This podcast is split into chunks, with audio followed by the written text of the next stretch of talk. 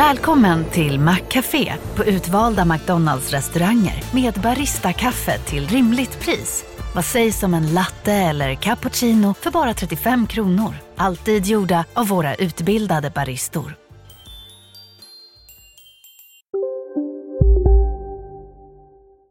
Hej och välkomna till Lisa läser.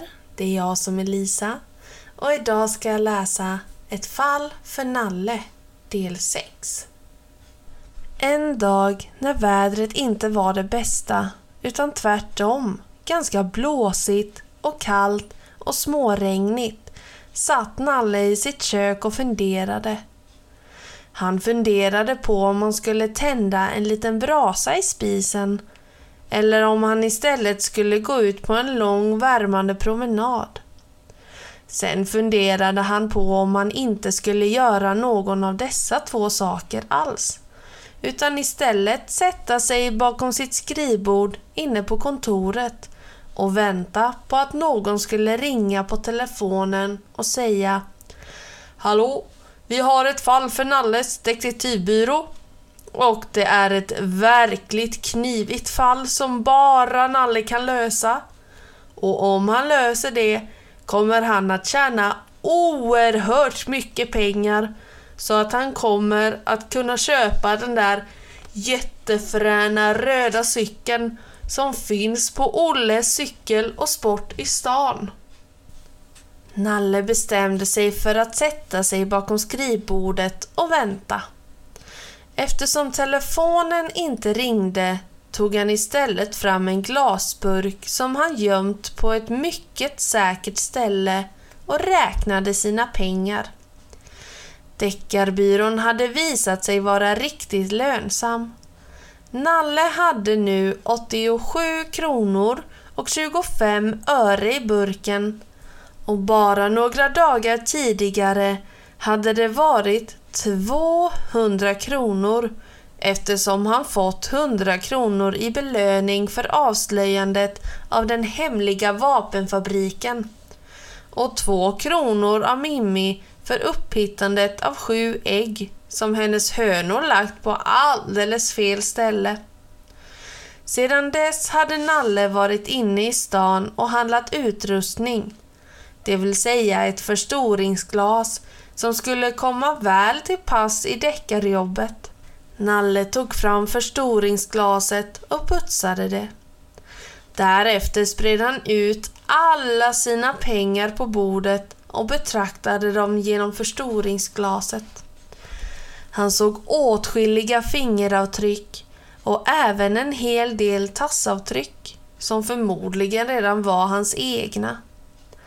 Nalle suckade förnöjt. Det kändes trivsamt att sitta här på sin egen deckarbyrå och titta på sina egna pengar genom ett eget förstoringsglas. Visst fattades det åtskilliga kronor tills den röda cykeln kunde bli hans egen. Men det var för troligt att det nu skulle dyka upp allt fler fall för Deckarbyrån. Efter avslöjandet av den hemliga vapenfabriken och allt beröm han, och Robert förstås, hade fått var Nalles deckarbyrå känd och respekterad i vida kretsar gissade Nalle. Ring! Nalle vaknade upp ur sina drömmar. Mycket riktigt, det ringde redan på telefonen. Nalle lyfte luren, men ingen pratade där inne. Ring!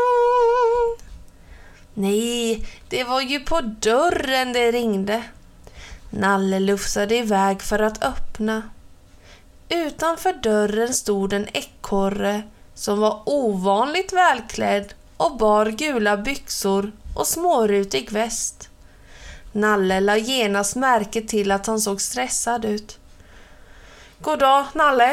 Eh, för det är väl Nalle det här? sa ekorren brådskande. Eh, mitt namn är Ekorrström. Kurt Ekorrström. Jag har ett fall för Deckarbyrån. Ett mycket allvarligt fall. Vi måste ge oss iväg med detsamma. Jag har bilen här utanför.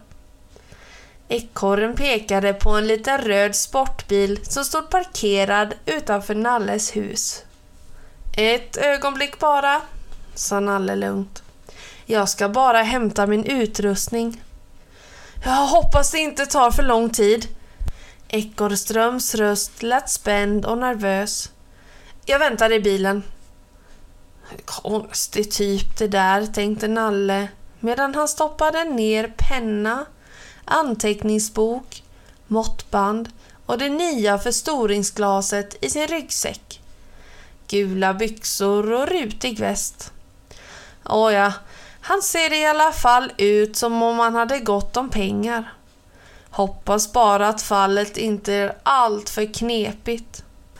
Nalle hoppade in i den lilla röda bilen och Ekorrström tryckte gaspedalen i botten. Och nu gick det undan. Bilen, som tydligen var terränggående, rusade fram genom jordgubbslandet, så in i blåbärslandet och innan Nalle visste ordet av det var de inne i ekorrlandet. Fräsig liten sak, tänkte Nalle en smula avundsjukt. Ekorrström svängde in på en liten väg som slingrade sig mellan träd och stubbar, stenar och ormbunkar. Nalle, som blev yr av den höga farten, drog en lättnads suck när Ekorrström bromsade in och bilen stannade med ett ryck framför en gammal ek som Nalle aldrig hade sett förut. Eken var tydligen ihålig och hade minst sju våningar. Ovanför den ståtliga porten satt en skylt på vilken det stod Ekorrströms nöthandel. Aha, sa Nalle. Det handlar om nötter. Just det, sa Ekorrström. Det vill jag säga. Jag handlar med nötter.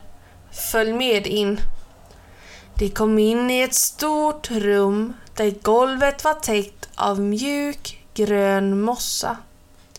Ekorrström låste upp en dörr och de kom in i ett mycket litet rum. En hiss, sa Ekorrström förklarande och tryckte på en knapp på väggen. Rummet skakade till och Nalle kände hur det började sjunka neråt. Nalle, som aldrig åkt hiss förut, kände en liten underlig känsla i magen. Han sneglade på Ekorrström. Ekorrström var tydligen van och höll på att leta fram en nyckel på sin fullsatta nyckelknippa.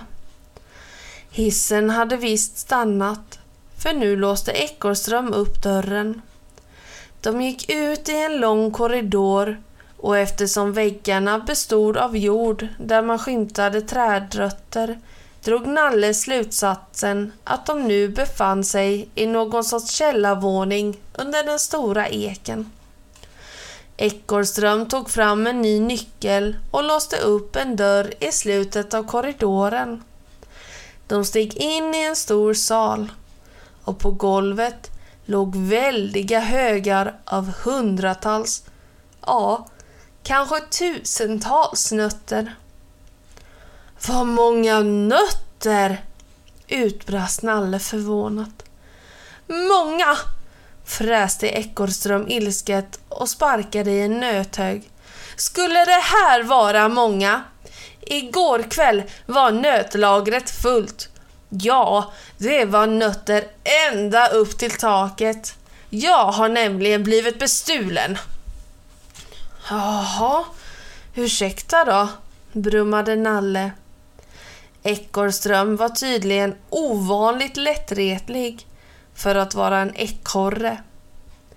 Nalle drog upp anteckningsbok och penna ur ryggsäcken. Några spår efter tjuven, några misstänkta. Alla är misstänkta, morrade Ekström. Alla, utom jag själv förstås.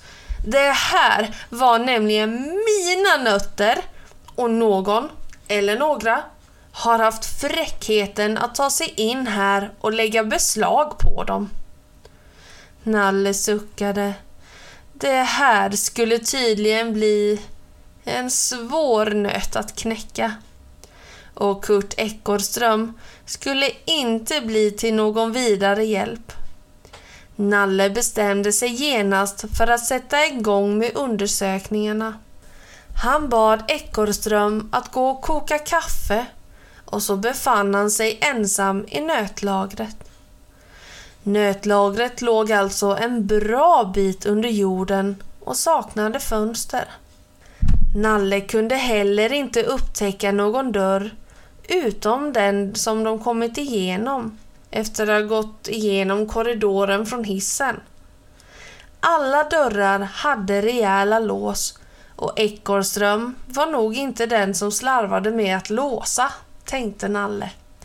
Ändå hade en hel massa nötter försvunnit under natten. Men hur? Nalle frågade sig själv hur. Ingen svarade. Det var tvärtom ovanligt tyst här nere under jorden. Och varmt. Nalle torkade svetten ur pannan. Väldigt massa nötter, tänkte han. Verkar ha god aptit den där Ekorrström. Eller många släktingar kanske. Nalle tog upp en nöt ur en av högarna och tittade på den. Plötsligt slog det honom att nu var ögonblicket inne att använda det nya förstoringsglaset. Han tog upp det ur ryggsäcken och betraktade nöten genom förstoringsglaset. Nöten såg naturligtvis större ut i förstoring men Nalle lade också märke till något annat som fick honom att tankfullt rynka på pannan. Det var jord på nöten. Jord. Inte särskilt konstigt, tänkte Nalle. Nötter kan mycket väl vara jordiga. Men den egendomliga med just den här jorden var att den var alldeles färsk. Svart och lite fuktig, precis som i grönsakslandet hemma hos Nalle. Nalle grubblade. Om det nu var jord på nötterna när de kom till lagret så borde i alla fall jorden nu vara torr och dammig av värmen här nere. Inte svart och fuktig. Ekorrström kom in genom dörren med en rykande kopp kaffe i handen. Eh, några ledtrådar? frågade han kort och satte ner koppen på golvet framför Nalle. Inte ännu, svarade Nalle. Men jag måste ställa en fråga. De här nötterna, hur länge har de legat här? Ja, minst fyra veckor. En del kanske två månader. Jag har det uppskrivet. Ekorrström drog fram en tjock bok ur en hylla som var infälld i väggen. Nalle viftade avvärjande med tassen. Det räcker. Jag måste genast fortsätta undersökningarna i lugn och ro. Ekorrström, som tydligen förstod vinken, satte tillbaks boken i hyllan och försvann ut genom dörren. Nalle la sig ner på golvet för att undersöka nötterna närmare. Även utan förstoringsglas såg han tydliga spår av jord på nötterna. Och här låg lite mer jord. Och här ännu mer. Och här borta i hörnet en hel liten hög med jord. Nalle rotade och grävde bland nötterna. Snart hade han kommit ner till själva golvet. Plötsligt kände han en kall fläkt mot nosen. Här låg ännu mera jord. Nalle makade snabbt undan den och såg framför sig ett litet hål. Ett hål rakt ner i golvet. Ett alldeles nygrävt hål ner i underjorden. Ett hål som tydligen var början, eller kanske slutet, tänkte Nalle, på en gång som ledde... Vart? Nalle måste genast få veta. Därför kröp han ner i hålet. Som tur var var gången precis lagom stor för en inte alltför tjock nalle. Han kunde inte gå i den, men krypa gick bra. Nalle kröp framåt i gången och det var mycket mörkt och då och då stötte han huvudet i taket. Plötsligt stötte han mot någonting med ena knät också. Det var något hårt och runt. Nalle trevade med tassen. Det kändes faktiskt som en nöt. Och där låg en nöt till. Och en till. Och en till. Nalle log belåtet. Nöttjuven hade lämnat tydliga spår efter sig och förmodligen fanns han där gången slutade. Nalle hade just börjat tröttna på att krypa när han skymtade ett svagt ljus framför sig. Han satte upp farten och ljuset blev starkare och starkare. Plötsligt tog gången slut och det blev ljust som mitt på dagen. Nalle kravlade sig ut ur gången och blinkade mot ljuset. Han var kvar i ekorrlandet. Det var en sak som var säker. För där gången slutade fullkomligt vimlade det av ekorrar. Säkert 20 stycken. Och nötter. En väldigt stor hög med nötter och en massa små högar. Ekorrarna höll tydligen på att dela upp nötterna i mindre högar. Atjo! Nalle nös av all jord som kliade på nosen. Det här är Nalle från Nalles deckarbyrå. Ekorrarna slutade langa nötter till varandra och tittade på honom. Tjena Nalle! En ung ekorre med yvig svans kom skuttande fram till Nalle. Vi har hört en massa om dig. Att du är en jättefrän deckare och så. Ja, det stämmer, sa Nalle så kyligt som han kunde. Och ni kanske förstår varför jag dyker upp ur den här gången just nu. Jag är nämligen på jakt efter tjuvar. Nöttjuvar. Sådana som ni. Vi är väl inga tjuvar, skrattade den unga ekorren. Vi har bara tagit nötter. För vi hade inga, pep en liten ekorre. Vi var så hungriga. Vi höll nästan på att svälta ihjäl Nalle. Ja, vi var så hungriga, ropade alla ekorrarna i kör.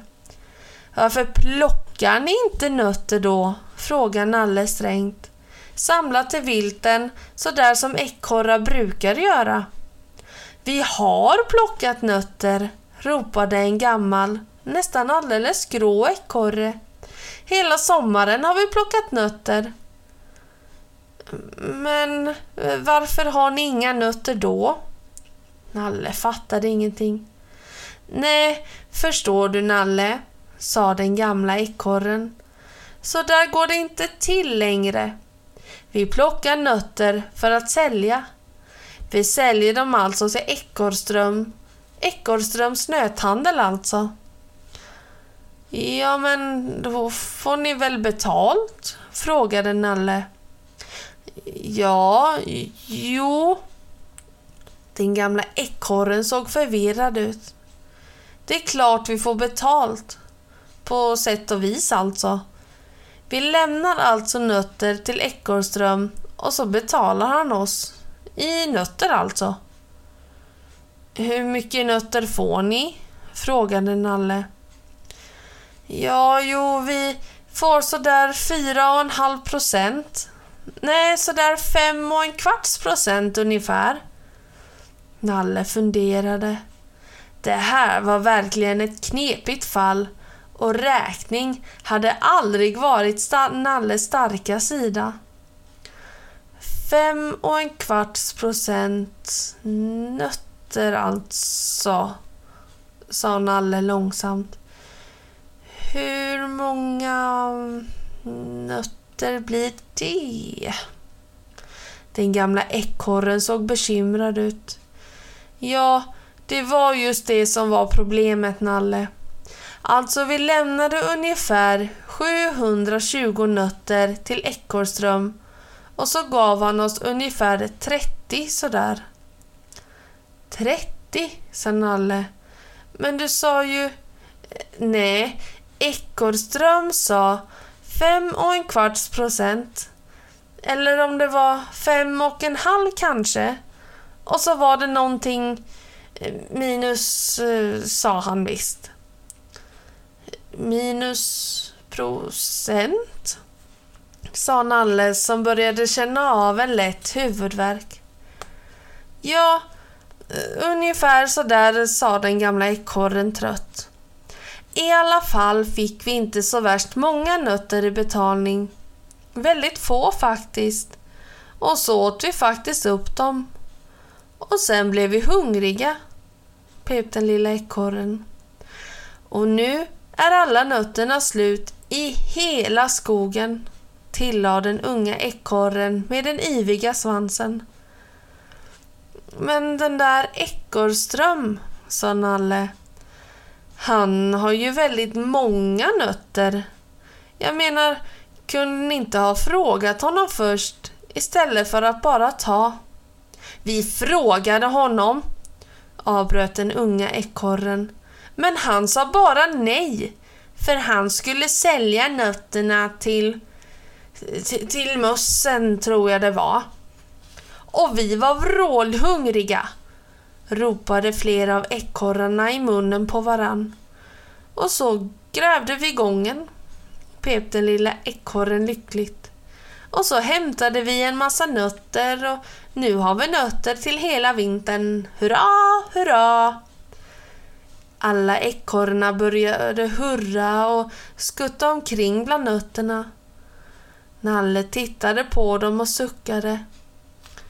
Fyra och en halv procent. Eller var det fem och en kvarts? Väldigt krångligt fall det här. Tydligen hade ekorrarna fått väldigt lite nötter av Ekorrström medan Ekorrström tydligen fått väldigt mycket nötter. Så på sätt och vis kunde nog fallet anses som löst, tänkte Nalle. Och på sätt och vis verkar det vara lite onödigt att krypa hela vägen tillbaks genom den där obekväma gången och berätta för Ekorrström att nötterna fanns hos en massa ekorrar. Ekorrar som var hungriga och dessutom rätt så snurriga efter vad Nalle kunde se. Och dessutom hade faktiskt Ekorrström rätt så mycket nötter kvar. Så strängt taget kunde Nalle gå hem igen och tända en brasa i spisen och kanske koka sig en kopp varm choklad. Och det gjorde Nalle. Och snipp, snapp, snut så var ett fall för Nalle del 6 slut.